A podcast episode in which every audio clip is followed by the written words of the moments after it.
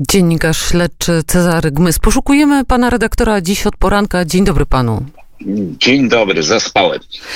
To się, to się, to się zdarza e, najlepszym. E, to wzbudziło oczywiście alarm wśród e, polskich służb e, poszukiwania. Odwołujemy i chcemy porozmawiać o tym, co się dzieje też a propos poszukiwania tematów, e, które pojawiają się w przestrzeni publicznej, a mianowicie od decyzji, zacznijmy od decyzji sędzi, która e, nie przychyliła się do wniosku prokuratury i uznała, że zatrzymanie Ryszarda Krauzego jest niepotrzebne.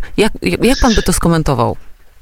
To znaczy, ja powiem szczerze, że ja nie wierzę, żeby w ciągu dwóch godzin można było się zapoznać ze stoma toma, e, akt e, sprawy jest stoi. Nie wierzę, żeby w tak krótkim spra- czasie można się było z nimi zapoznać na tyle rzetelnie, ale oczywiście sędzia działała pod e, wpływem presji czasu, dlatego że ten e, termin, tak zwany termin zawity, czyli 48 godzin od zatrzymania, w e, ciągu tego e, czasu trzeba człowieka wypuścić albo e, aresztować. No i jak e, wiele wskazuje na to, pani sędzia uznała, że e, nie ma wystarczających podstaw do zatrzymania, do mm, zatrzymania tych osób e, w areszcie, no i wypuściła. Wiadomo, że prokuratura będzie składać zażalenie na to postanowienie.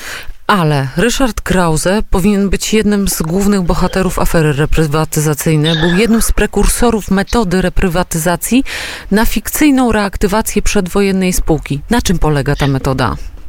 E, To jest metoda, która wcześniej została zastosowana w przypadku spółki Gisze, która miała gigantyczne tereny na terenie e, Katowic. E, No i mm, tego typu postępowanie, czyli skupowanie akcji kolekcjonerskich czy akcji, które były w posiadaniu prywatnych osób i reaktywowanie na tej podstawie spółki, zostało w przypadku spółki Gisze uznane za przestępstwo i osoby, które to zrobiły, zostały prawomocnie skazane. E, Natomiast nie doszło do tego w przypadku Ryszarda Krauzego, który zrobił identyczną rzecz, a mianowicie skupił akcje kolekcjonerskie przedwojennej spółki Zakłady Ogrodnicze Urlychów, które dysponowały wówczas pod Warszawą, a dzisiaj blisko stosunkowo centrum Warszawy, olbrzymimi tere- te- terenami, gdzie były tak zwane zakłady ogrodnicze, gdzie po prostu były szklarnie oraz ziemia, na której Urlychowie, bardzo zasłużony e, ród warszawski,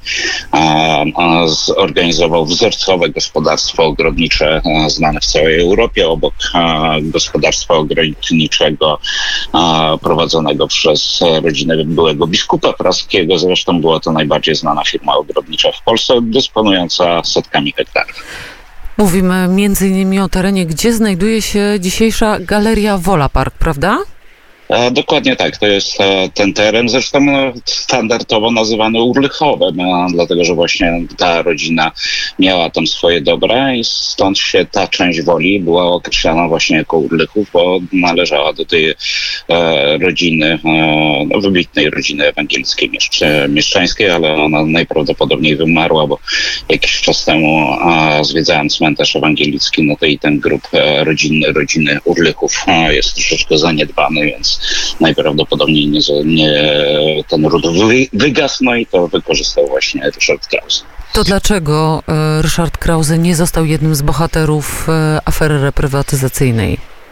E, To był rok, e, o ile dobrze pamiętam, 2011, kiedy napisałem tekst e, poświęcony właśnie tej sprawie. Było to związane z aktem oskarżenia, jaki został skierowany do sądu warszawskiego i tam mm, Ryszard Krause miał identyczny zarzut jak obecnie, choć już z innego paragrafu. Natomiast ja byłem na e, rozprawie, na której wszystko się rozstrzygnęło, no i to była rzecz naprawdę zdumiewająca, dlatego że adwokaci i obrońcy e, Ryszarda Krauzego podnieśli argument, że e, Ryszard Krause nie może być skazany za artykuł 585 kodeksu spółek handlowych, ponieważ ten artykuł przestał istnieć. No i rzeczywiście okazało się, e, że chociaż w papierowym kodeksie on jeszcze istniał, to po mm, analizie internetowego systemu akt prawnych sędzia doszedł do wniosku, że rzeczywiście ten artykuł został wykreślony z kodeksu spółek handlowych. No i potem przeświadczył śledziłem okoliczności um, zniknięcia tego artykułu, usunięcia tego artykułu, no i okazało się, że e, w całą sprawę byli zaangażowani liczni politycy, a ta sprawa zniknięcia nawet w kuluarach była określana jako Lex Krause, czyli politycy tak naprawdę napisali e, prawo, czy też wykreślili z prawa artykuł, który mógł doprowadzić do skazania Ryszarda Krauzego, co dla niego było bardzo niebezpieczne, dlatego że e, osoby skazywane z tego artykułu traciły prawo zasiadania w organach zarządczych i nadzorczych spółek, wobec czego Ryszard Krause straciłby kontrolę nadzorczą lub zarządczą nad licznymi swoimi spółkami. Drugi odcinek serialu Miasteczko Wilanów musimy niestety odłożyć, bo pan redaktor dzisiaj postanowił dłużej spać, więc e, niestety, niestety do tej rozmowy zapewne będziemy wracać, bo tak jak twierdzą służby, e, sprawa jest rozwojowa. E, prokuratura oprotestowała decyzję sądu, więc mam nadzieję, że, że będziemy Państwa na bieżąco informować. Bardzo serdecznie panu redaktorowi dziękuję za rozmowę w poranku wnet. Życzę wszystkiego dobrego i miłego dobrego, dobrego dnia. Dziękuję wzajemnie. Pozdrawiam wszystkich słuchaczy Radia Wnet. A proszę Państwa, poranek dobiega końca. Poniedziałek 19 października 2020 roku Katarzyna Adamiak, Darek Konkol, Helena Gruszewska żegnają Państwa do usłyszenia za tydzień.